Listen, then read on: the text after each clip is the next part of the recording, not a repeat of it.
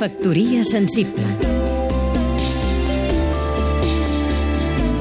Miquel de Palol, poeta i escriptor Sèneca discorre sobre la ira per tractar-la, i el mateix fa Robert Barton amb la melancolia. Però tant la ira com la melancolia són atributs físics i mentals que l'una des de la requesta heroica homèrica, l'altra a partir dels aristotèlics i els iconòlegs humanistes, formen part dels registres essencials d'allò que pròpiament és la natura humana. I aquí entrem en la gran qüestió. Què és patològic i què no en aquesta natura?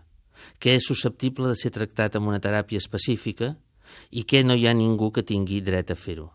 A la història hi ha multitud de vaivents en aquest sentit. En els meus temps, els nens rebels s'arreglaven amb un parell de mastegots i ara un elevat percentatge de criatures i de pares segueixen psicoteràpia.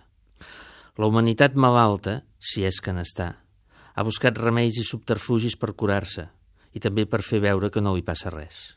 Tret dels casos flagrants en què el desordre fisiològic no permet albirar cap altre pal·liatiu, sempre m'han semblat més edificants les solucions imaginatives que les establertes per cànon, i no menys rigoroses ni serioses les unes que les altres.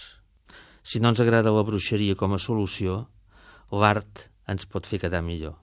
No pas tot, és clar. Factoria sensible Seguim-nos també a catradio.cat